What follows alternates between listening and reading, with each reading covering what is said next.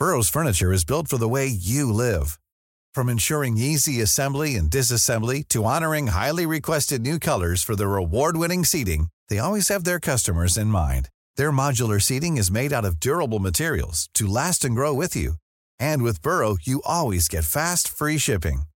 Get up to 60% off during Burrow's Memorial Day sale at burrow.com slash ACAST. That's burrow.com slash ACAST. burrow.com slash ACAST. Flexibility is great. That's why there's yoga. Flexibility for your insurance coverage is great too. That's why there's United Healthcare Insurance Plans. Underwritten by Golden Rule Insurance Company, United Healthcare Insurance Plans offer flexible, budget friendly coverage for medical, vision, dental, and more. One of these plans may be right for you if you're, say, between jobs, coming off your parents' plan, turning a side hustle into a full hustle, or even missed open enrollment. Want more flexibility? Find out more about United Healthcare Insurance Plans at uh1.com. Hey, I'm Ryan Reynolds. At Mint Mobile, we like to do the opposite of what Big Wireless does. They charge you a lot, we charge you a little. So naturally, when they announced they'd be raising their prices due to inflation, we decided to deflate our prices due to not hating you. That's right. We're cutting the price of Mint Unlimited from $30 a month to just $15 a month. Give it a try at mintmobile.com slash switch. $45 upfront for three months plus taxes and fees. Promo rate for new customers for limited time. Unlimited more than 40 gigabytes per month. Slows. Full terms at mintmobile.com. avspärrningar och Ja, jag, är jag, ska läggas ja, upp och så. jag är inget orakel naturligtvis men, men eh, det händer ju att jag genom mina frågor eh, får eh, medarbetare att att tycka jaha nu gör vi så här och så. Och när den här staben då som det så småningom blir i, i det inre rummet där är på plats så är, är det ju just stabens arbete att Eh, tänka på, på eh, i lite vidare perspektiv och ägna sig åt lite kontrolltankar och sådana saker.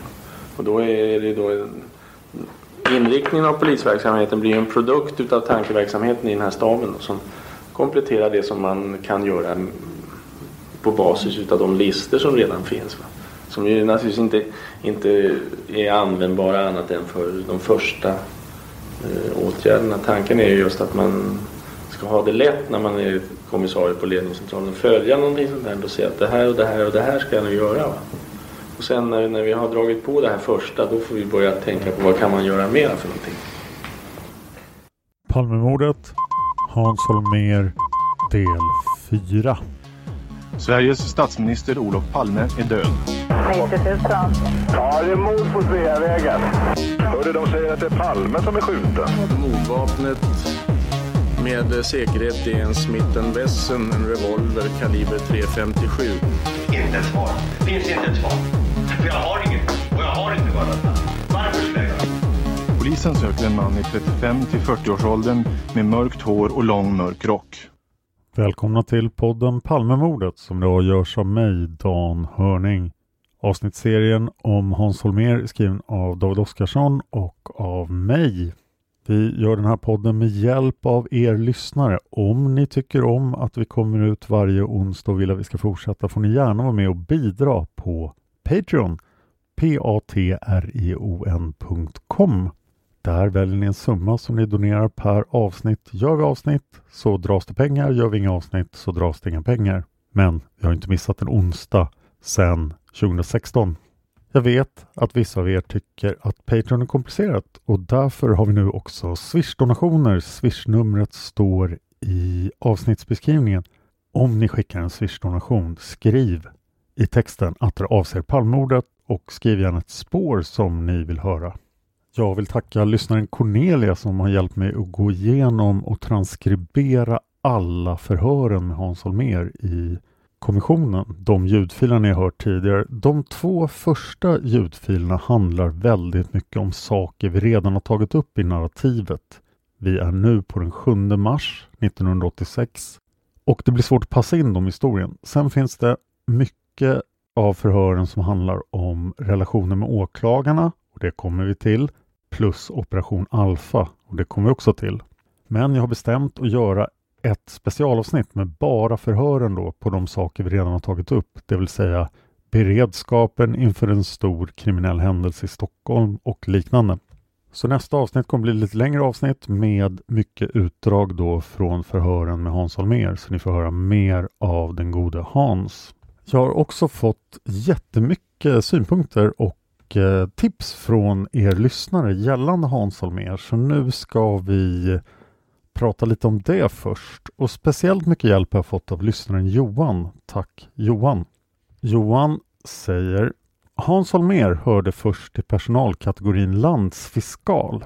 Utbildningen till landsfiskal gick till enligt följande.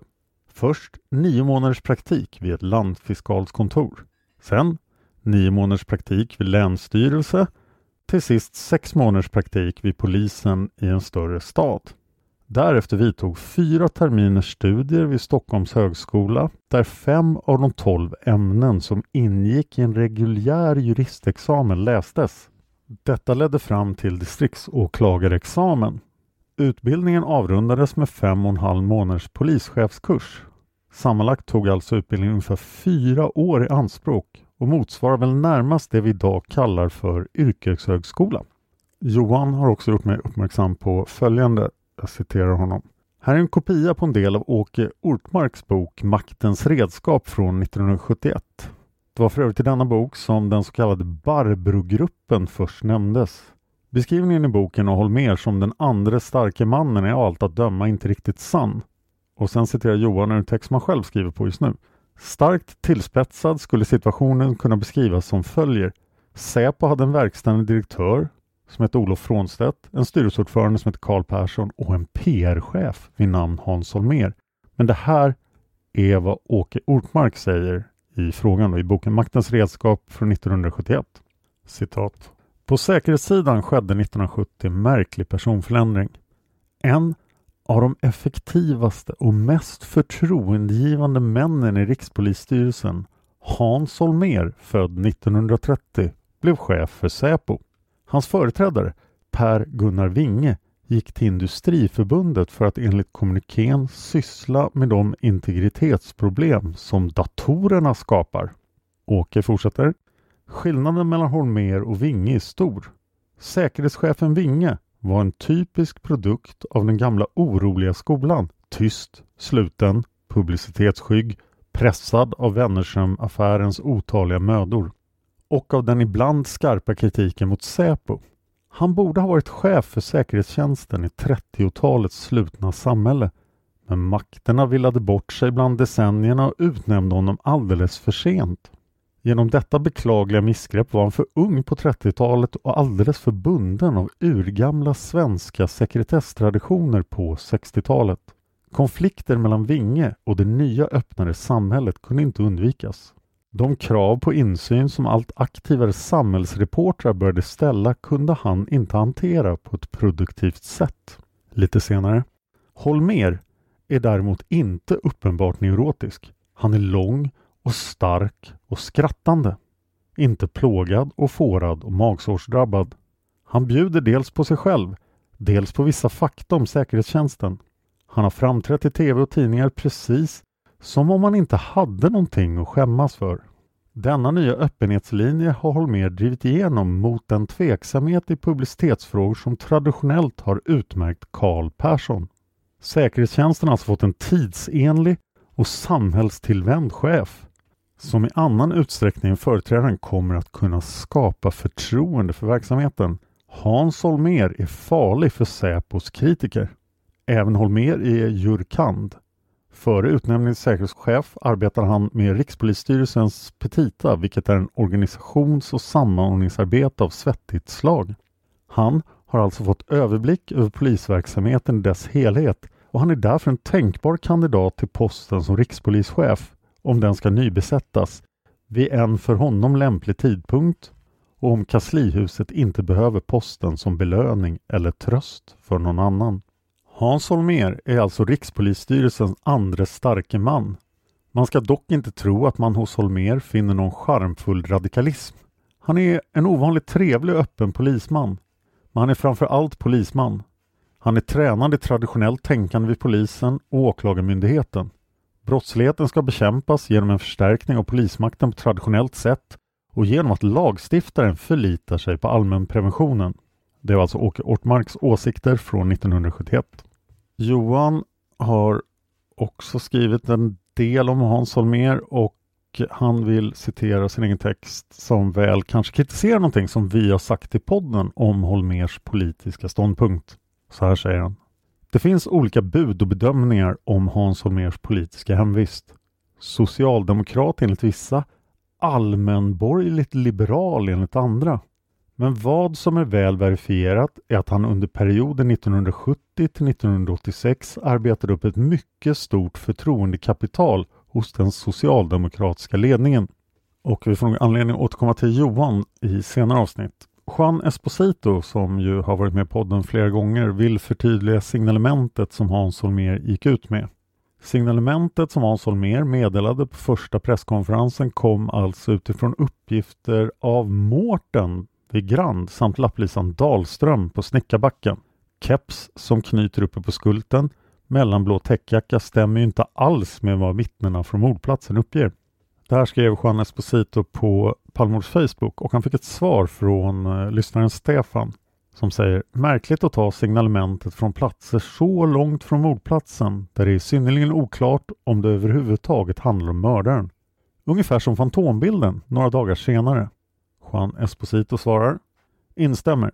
Det är en stor risk och möjligen ödesdiger att chansa så utan att säkert veta.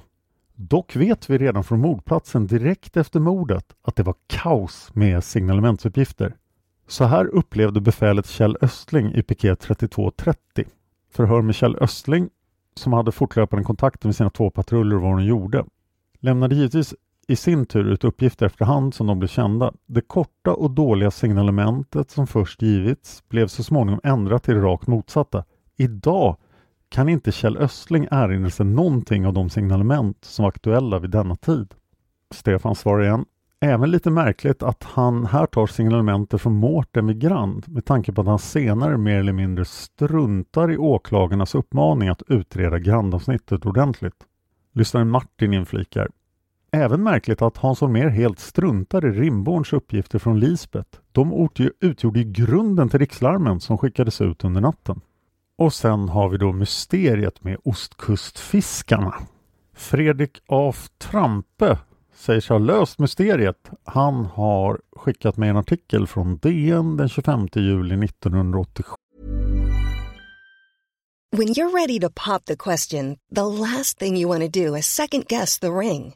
At BlueNile.com you can design a one-of-a-kind ring with the ease and convenience of shopping online. Choose your diamond and setting. When you find the one, you'll get it delivered right to your door. Go to Bluenile.com and use promo code LISTEN to get $50 off your purchase of $500 or more. That's code LISTEN at Bluenile.com for $50 off your purchase. Bluenile.com code LISTEN. If you thought the only way to get a more defined jawline with natural looking results was through surgery, think again. Juvederm Volux XC is a non surgical injectable gel filler that improves moderate to severe loss of jawline definition and can help you achieve natural looking results with little downtime. Even better, this improved definition lasts up to one year with optimal treatment. No maintenance required. Improve jawline definition for a smooth, sculpted look with Juvederm Volux XC. For important safety information and to find a licensed specialist, visit juvederm.com. That's J U V E D E R M.com. Not for people with severe allergic reactions, allergies to lidocaine, or the proteins used in Juvederm. Common side effects include injection site redness, swelling, pain, tenderness, firmness, lumps, bumps, bruising, discoloration, or itching. There's a risk of unintentional injection into a blood vessel, which can cause vision abnormalities, blindness, stroke, temporary scabs, or scarring. Talk to a licensed specialist to find out if it's right for you.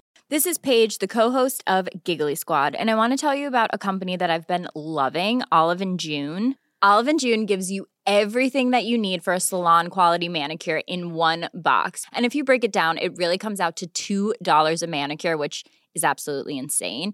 It's also so easy to get salon worthy nails at home with Olive and June. The difference between how your nails used to look when you did them yourself and now with the Manny system is a complete game changer. The best thing about Olive and June too is it's a quick dry, dries in about one minute, lasts for five days, and full coverage in up to one to two coats. Visit oliveandjune.com slash perfectmanny20 for 20% off your first system. That's oliveandjune.com slash perfectmanny20 for 20% off your first system. Sju. Rubrik Hotelserna kartlagda. Olof Palme var hatobjekt för en hel del människor i utkanterna av det svenska samhället. Ibland gick det så långt att hot uttalades i en eller annan form. Han var van vid det och lika väl som polisen visste han att det mesta bara var munväder. Lite senare. I rutingenomgången av hotelsebreven till Palme fäster sig mordutredarna vid ostkustfiskarnas korrespondens. I den gruppen finns en man som skrivit före mordet och som återkommer efteråt med ett nytt hot. Den 1 april skrev han till jordbruksminister Svante Lundqvist citat. Om du inte tar bort fritidsfiskarnas rättigheter senast den 1 maj så kommer du att gå samma väg som den andra parasiten. Slutcitat. Journalisten skriver Är det bara en galning? Men Hans Holmér uttalar sig och säger Det är anmärkningsvärt att yttra sig på det viset och journalisten konstaterar att Hans Holmér utesluter inte ens ostkustfiskarna i sitt breda perspektiv. Även Anders Östmark har reagerat på ostkustfiskarna och han skriver till mig citat Hej Dan! Att Holmers teori om ostkustfiskarna skulle anses vara en gåta har sedan många år förvånat mig. Jag har vid något tillfälle tagit upp saken i någon Facebookgrupp men den enkla förklaringen är att teorin finns omnämnd på sid 133 i Åshedens intervjubok från 1987. Det vill säga boken med titeln Jakten på Olof Palmes mördare de tre första månaderna. Och Den boken är en sammanställning av DN-artiklarna från 87 som Åsheden skrev. Anders fortsätter. Att alla Palmeintresserade inte alltid har koll på alla tidningsartiklar som skrivits är förståeligt.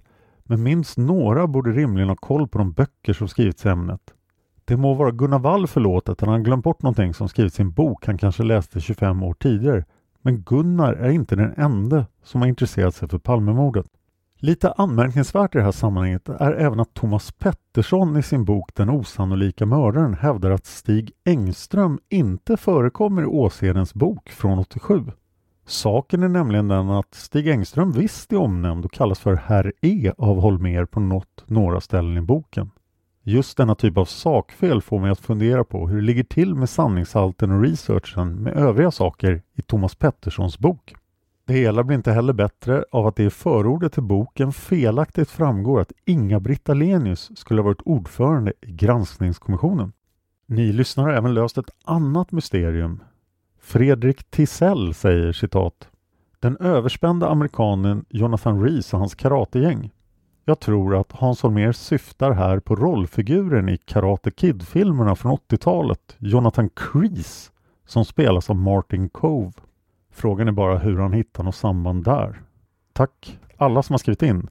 Karate Kid kom ut 1984, så den har kanske Hans Holmér sett. Karate Kid kom ut 89, så den är framtiden för Hans. Jag frågade David Oskarsson som ju skrev grundmanuset här.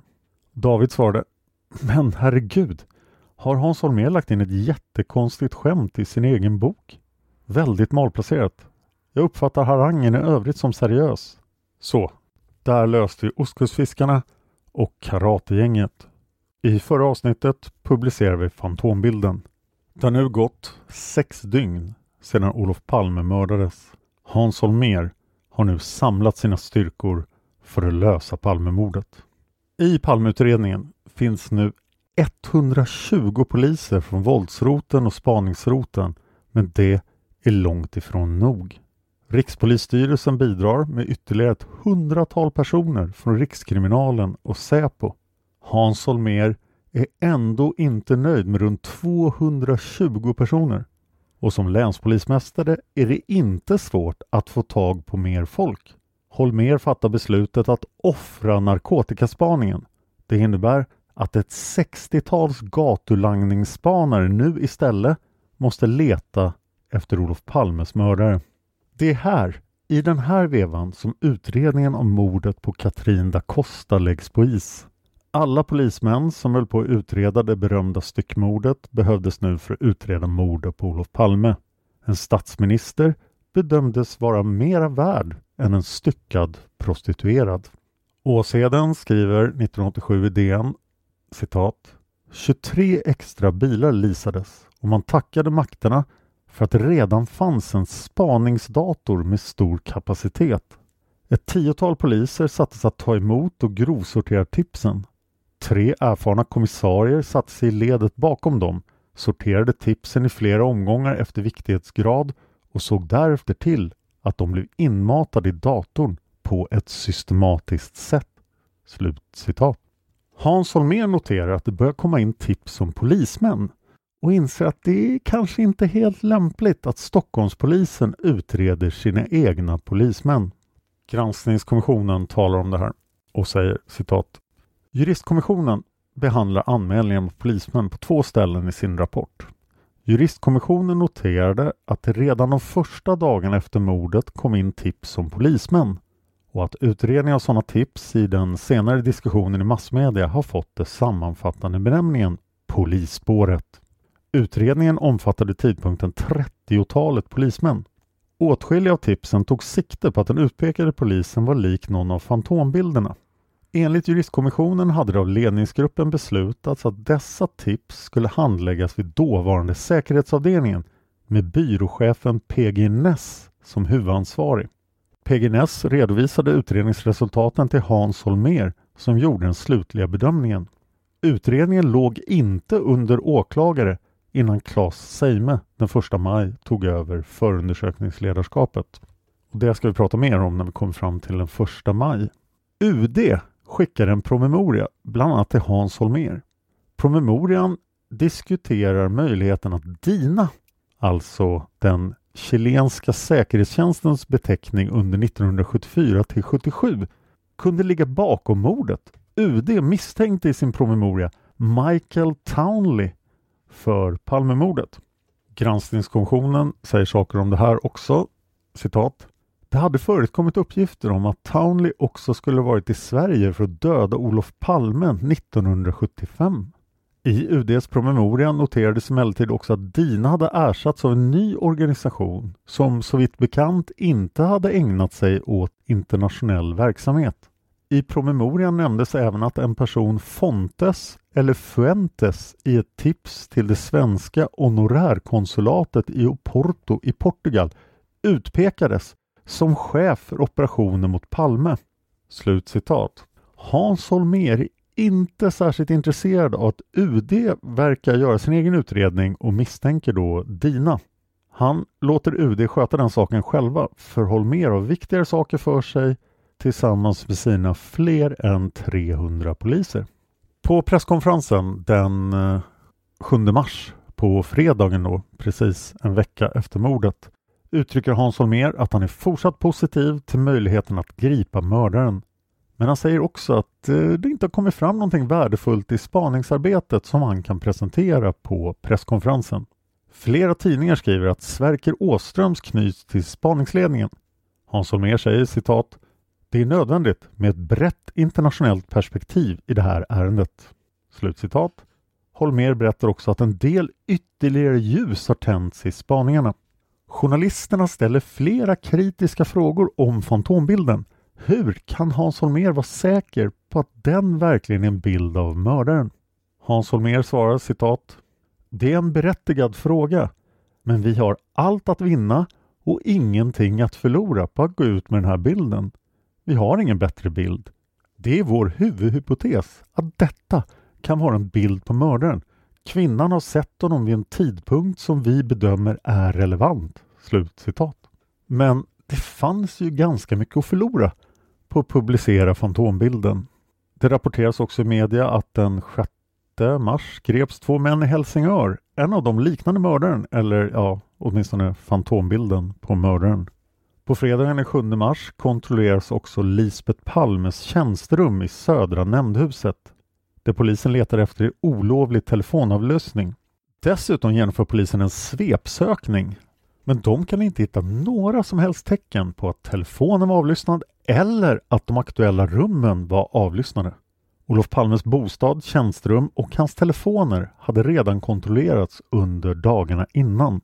Hans Holmér stöter tidigt på problem med Säpo. Trots att han är före detta Säpochef och trots att den nuvarande Säpochefen, alltså 86, Sven-Erik Hjälmroth, har lovat honom att Säpo ska stå till tjänst med sina kunskaper om terrorism. Det är ju fina ord från Hjälmroth, men i praktiken fungerar det inte alls. Ann-Marie Åsheden skriver i DN under 87 citat Det största problemet fick Holmer med Säpo då det visade sig svårt att få en öppen och en hemlig organisation att samarbeta.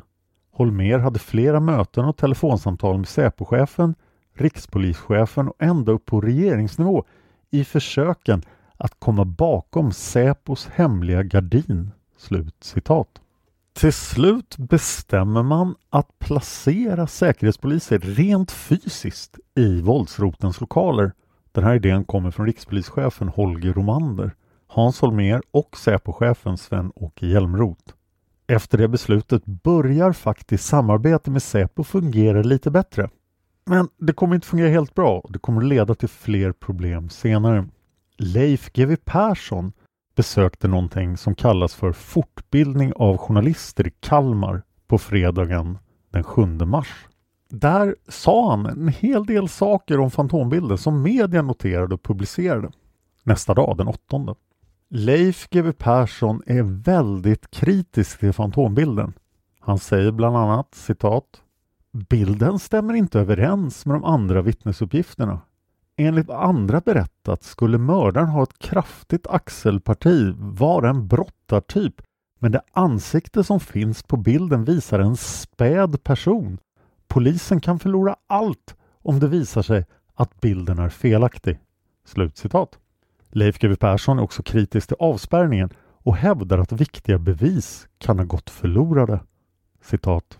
Det är ett allvarligt misstag som skett, något som aldrig skulle ha skett om en vanlig person hade mördats. Men antagligen har poliserna på platsen blivit totalt blockerade när de insåg att det var landets statsminister som hade mördats.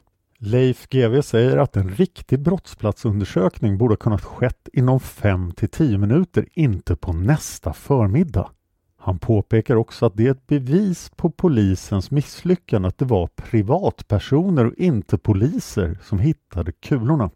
Leif GW är övertygad om att det rör sig om en professionell mördare. Det kan han utläsa ur det första skottet som var perfekt placerat enligt GW. Han tror också att terrorister ligger bakom mordet men han säger också att det kommer bli svårt att lösa mordet om det är en totalt okänd svensk Palmehatare som ligger bakom mordet. Nästa dag, på lördagen den 8 mars, håller förstås Hans Holmér en till presskonferens och där efterlyser han en mystisk brevskrivare. Holmér säger citat Vi önskar kontakt med en person som har skrivit ett anonymt brev till polisen där han eller hon den 28 februari klockan 23.23 .23 gått på Olofsgatan söderut och passerat Tunnelgatan på väg mot ett möte på Centralen. Den här personen säger sig ha gjort vissa iakttagelser i korsningen Olofsgatan-Tunnelgatan och vi är intresserade av att närmare höra denna person. Vi ber brevskrivaren kontakta spaningsledningen. Holmer uppger ett telefonnummer och tillägger citat Ge dig till känna. Ring oss. Den 8 mars vill Hans Holmér inte säga vad det här gäller men vi vet förstås att det är Skelleftehamnsmannen och att han aldrig blev hörd. Holmér säger också citat Vi är även intresserade av vittnesmål från personer som har åkt samma tunnelbanetåg som makarna Palme. Slutcitat. Och det gick ju bra. Holmér fick sina vittnesmål från tunnelbanan och de vittnesmålen kan ni höra i Gamla stan-avsnitten. Hans Holmér konstaterar också citat Mordet på Olof Palme kommer att lösas men det tar lång tid. Spaningsläget har förbättrats. I Göteborgs-Posten den 9 mars kan man läsa om presskonferensen från den 8 men precis bredvid tidningen finns en artikel med rubriken Kurderna ställer in nyårsfest. Artikeln berättar citat För att hedra minnet av Olof Palme och hans kamp för fred, frihet och demokrati har kurderna i Göteborg beslutat att inställa sitt nyårsfirande. Kurdernas nyår firas den 21 mars. New Rose, den nya dagen, står som symbol för fred och frihet.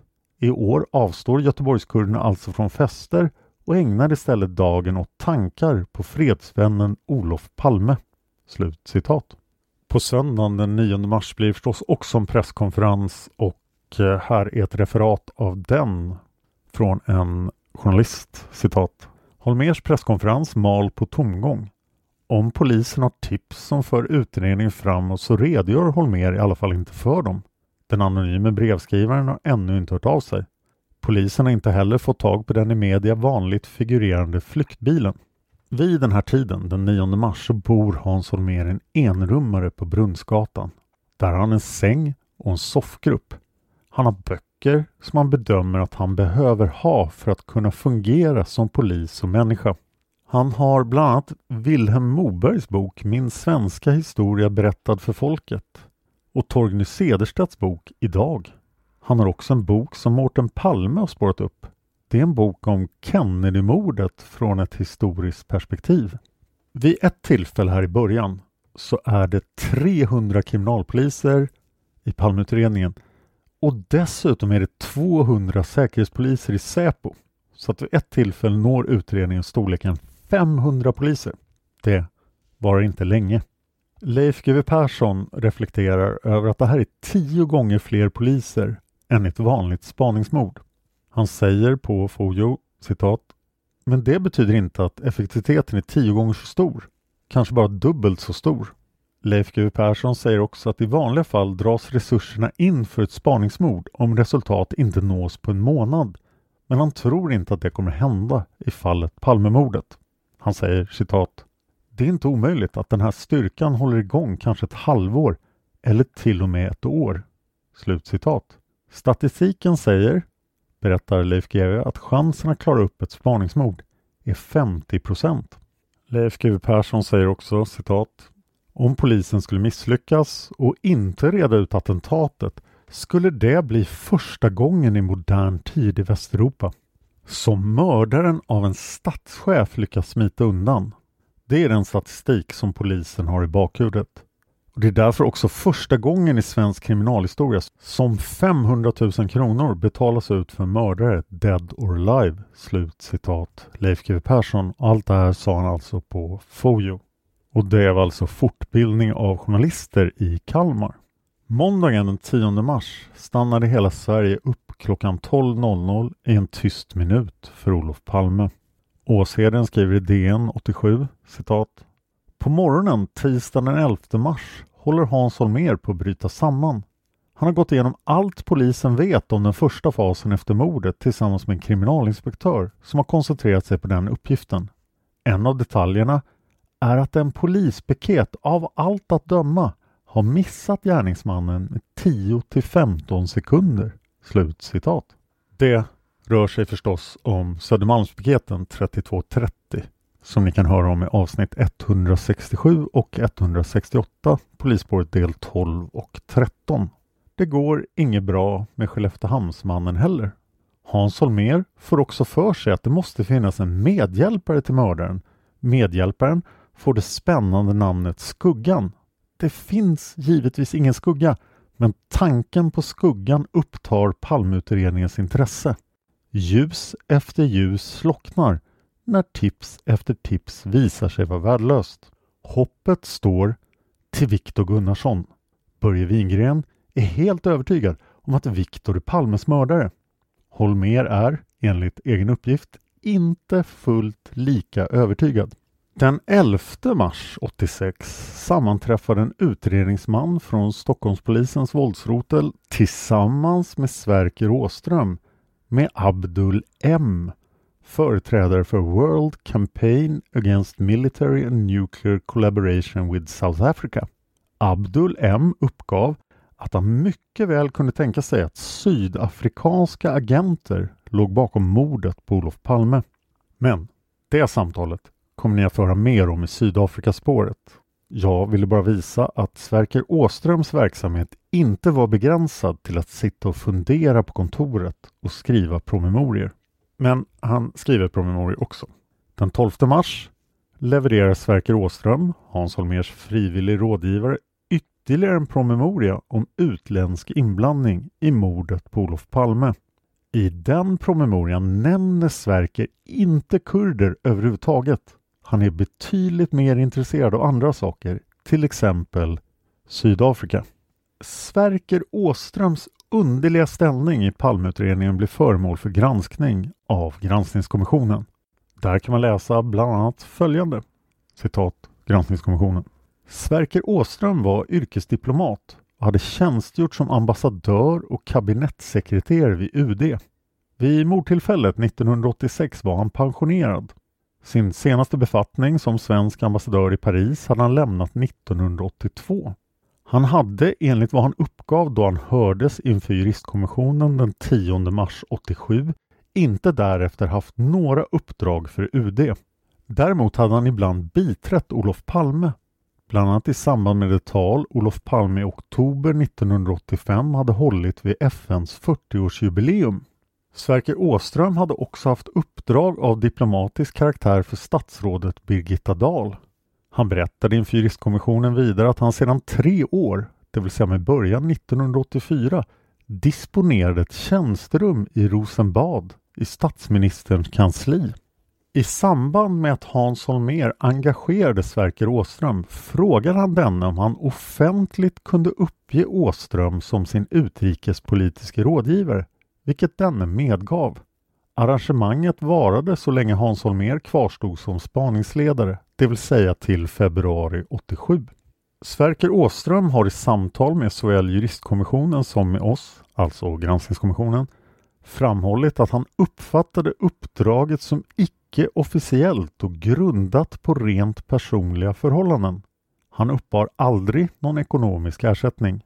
Han har samtidigt framhållit att han höll UD underrättat om allt han företog sig inom ramen för uppdraget och i allmänhet lät sig åtföljas av någon representant från UD vid sina sammanträffanden med Hans Holmér.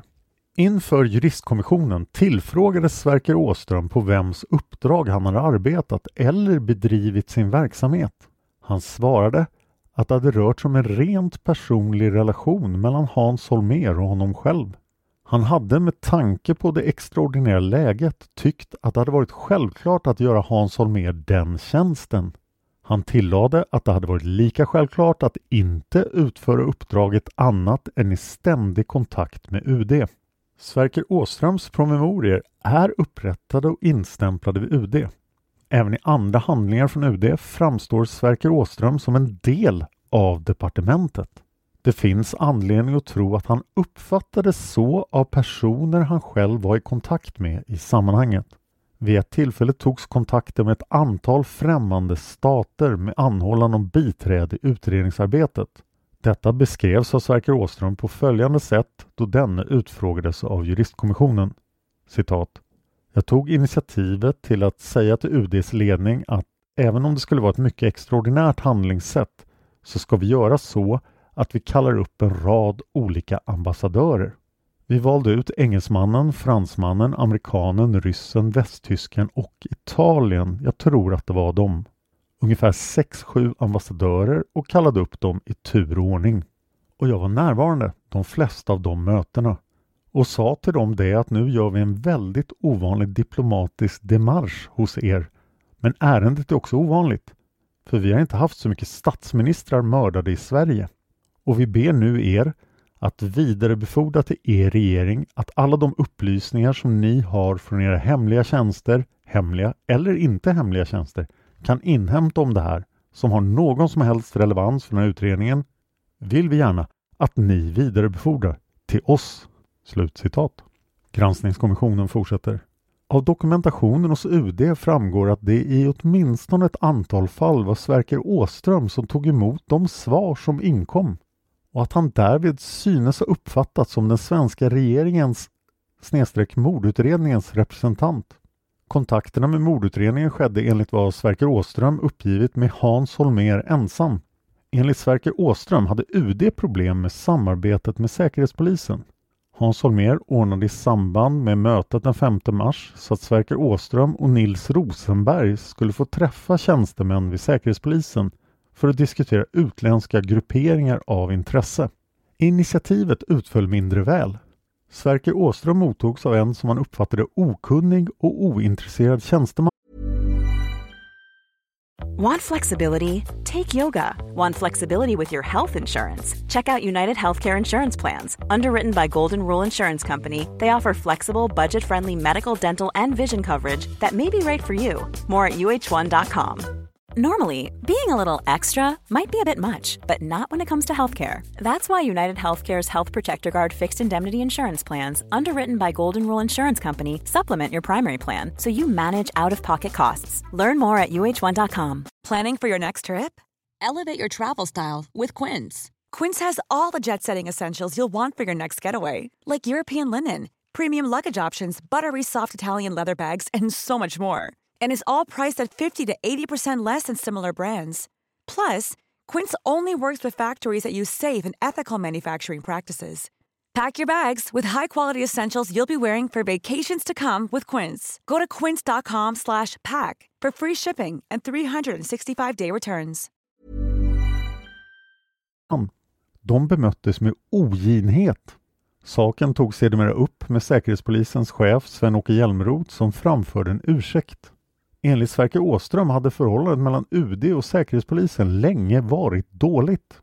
Särskilt dåligt hade det varit under den tid Sverker Åström varit kabinettssekreterare vid UD. Bland annat på grund av att dåvarande rikspolischefen Carl Persson i samband med att Sverker Åström 1972 tillträdde sin tjänst till Olof Palme anmält att Säkerhetspolisen bedömde att Sverker Åström utgjorde en säkerhetsrisk. Slutcitat från Granskningskommissionen. Och varför skulle Sverker Åström vara en säkerhetsrisk? Det kommer vi återkomma till. För Sverker Åström kommer tillbaka i vår historia. FN-ambassadören Anders Färm skrev i en promemoria den 12 mars 1986 att Sydafrika hade motiv att mörda Olof Palme. Den här promemorian skickades till Palmeutredningen men Hans Holmers Palmeutredning registrerade den aldrig. Det var inte förrän under Hans Ölvebro och ganska långt in i Hans Ölvebros tid som den blev registrerad 1992. Hans Holmér verkar inte ha varit särskilt intresserad av Sydafrika men däremot var han intresserad av walkie-talkies. Och det kan vi se då i och med att han uppmanade allmänheten att rapportera walkie-talkie-iakttagelser i samband med att Skelleftehamnsbrevets skribent efterlystes. Granskningskommissionen säger citat när denna uppmaning mer exakt ägde rum och hur den närmare utformades kan inte fastställas eftersom det saknas dokumentation som berör detta. Efter det att uppmaningen till allmänheten gått ut och fram till månadsskiftet mars-april 1986 inkom det 40 till 50 tips rörande walkie-talkie-iakttagelser som gjorts runt om i Stockholm före, under och efter morddagen. Slutcitat. Och de iakttagelserna har vi pratat om med Lars Borgnäs i walkie-talkie-avsnitten. Den 12 mars 1986 blir Viktor Gunnarsson anhållen och delges misstanke om delaktighet i mord. En häktningsförhandling planeras till den 20 mars. Det som framförallt är intressant med Viktor, som ni minns från Viktor-avsnitten, är att man har hittat krutstänk på ärmen på en rock tillhörande Viktor. Begravningen av Olof Palme börjar närma sig. Åsheden skriver i DN 1987 citat Hans Holmer utbrister Jag behöver luft men det är inte läge för en skogspromenad. Det är två dagar kvar till begravningen och Stockholmspolisen står inför sin största koncentrerade kraftsamling någonsin. Förutom mordutredningen ska man också ansvara för att ingenting händer alla de gäster som kommer från hela världen till Olof Palmes begravning. Slutcitat. Det spekuleras i att Olof Palmes död bara är ett lockbete för att locka världens ledare till Stockholm så att alla ska kunna mördas samtidigt. Hans Holmér avfärdar den här teorin som citat långsökt. Den 14 mars meddelar SKL, Statens kriminaltekniska laboratorium, att tändsatspartiklarna på Viktors högra rockar med nära 100% i säkerhet inte härrör från samma typ av ammunition som de upphittade kulorna. Och vill ni veta mer om Viktors rockärm så har vi gjort ett helt avsnitt om det. Det är avsnitt 243, Viktor Gunnarsson del 24, Krutstänken.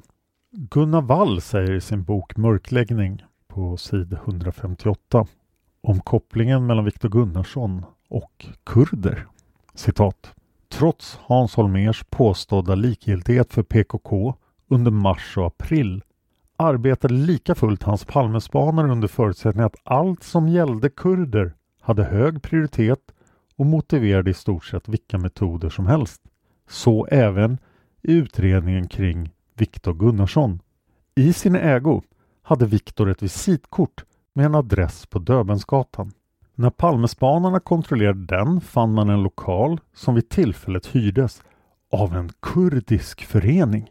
Polisen genomförde direkt en husrannsakan och beslagtog medlemsregistret, tog med samtliga närvarande till förhör och fotograferade dem. Det här var åtgärder som senare JO kritiserade och som knappast skulle ha satts in mot en förening vars medlemmar hade tillhört någon annan nationalitet. Den aktuella organisationen hade för övrigt inte minsta anknytning till PKK. Föreningens adress kanske lät särskilt spännande för Holmers spanare. Det var ju på Döbensgatan som Viktor skulle ha försökt lifta med vittnet Ibrahim. På Döbensgatan bodde också en kvinna som Viktor hade haft ett förhållande med. Åsheden rapporterar om att det väckte entusiasm bland Palmespanare när det visade sig att hennes bil hade fått parkeringsböter i Eskilstuna. Man trodde sig nämligen känna till att det just i Eskilstuna bodde en kurdisk vapenhandlare med bakgrund i PKK. Hade Viktor lånat bilen, åkt till Eskilstuna och köpt ett vapen av kurden? Sanningen visade sig vara mindre dramatisk. Kvinnan hade helt enkelt en fosterdotter i Eskilstuna. Gunnar Wall fortsätter. Det här är bara olika enskilda exempel på att det bland Holmers poliser fanns en medvetenhet om att kurderna var högst intressanta. Och KG Svensson, som ju var Palmeåklagare under hela perioden innan Holmer fick vittring på Seppos vapentips, vi kommer till det, tvekar inte. KG Svensson menar att PKK-spåret dök upp mycket tidigt i utredningen. Det var aktuellt praktiskt taget från utredningens början. Själv blev han dock inte inkopplad utan konstaterar de faktiska spaningsåtgärder och ingripanden som skedde med utgångspunkt från huvudspåret skötte länspolismästare Holmer helt på egen hand. Gunnar Wall fortsätter. Samtidigt som Hans Holmér offensivt gick ut och marknadsförde misstankarna mot Viktor Gunnarsson låg alltså PKK hela tiden som ett underjordiskt skikt i polisens arbete. Och det bekräftas av granskningskommissionen som säger citat den 14 mars 1986 genomfördes en mera samlad aktion i en lokal som disponerades av Svensk-kurdiska föreningen. Nio personer som befann sig i lokalen hämtades till förhör. Efter beslut av kommissarien Åke S genomfördes husrannsakan i lokalen varvid skriftligt material togs i beslag. Beslagen hävdes senare av chefsåklagaren KG Svensson den 26 mars. Ifrågavarande åtgärder som företogs som ett led i en mera allmänt inriktad spaning blev senare föremål för kritik av JO.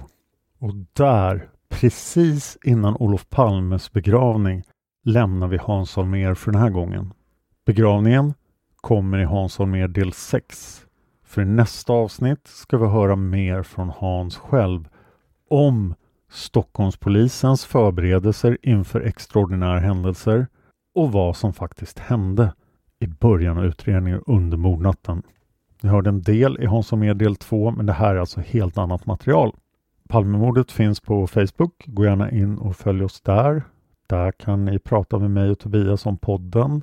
Om ni har allmänna frågeställningar om mordet så rekommenderar jag Studio Palmemordet på Facebook eller Palmerummet. Jag finns just nu inte på Twitter och Instagram för jag tar en paus från sociala medier. Om ni tycker att svenska olösta mord är spännande så har jag gjort en 26 avsnitt lång serie om två försvinnanden Björn Adolfsson och Sven Sjögren i min podd Olösta mord. Podden Olösta mord kan ni hitta där ni hittar Palmemordet. Den ska finnas på alla poddappar.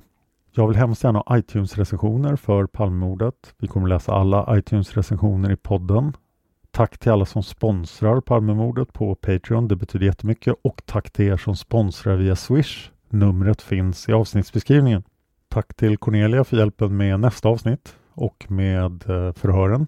Tack till Lukas för musiken. Tack till Juan Esposito som har faktagranskat Hans avsnitten Tack till David Oskarsson som har skrivit. Och tack till dig för att du lyssnar på Palmemordet. Man hittar Palmes mördare om man följer PKK-spåret till botten. Därför att ända sedan Julius Caesars tid har jag aldrig hört talas om ett mord på en framstående politiker som inte haft politiska skäl. Polisens och åklagarens teori var att han ensam hade skjutit Olof Palme. Och det ledde också till rättegång. Men han frikändes i hovrätten. Nu ska vi ut och röva, Stråt. Ja, vi ska ut och röva.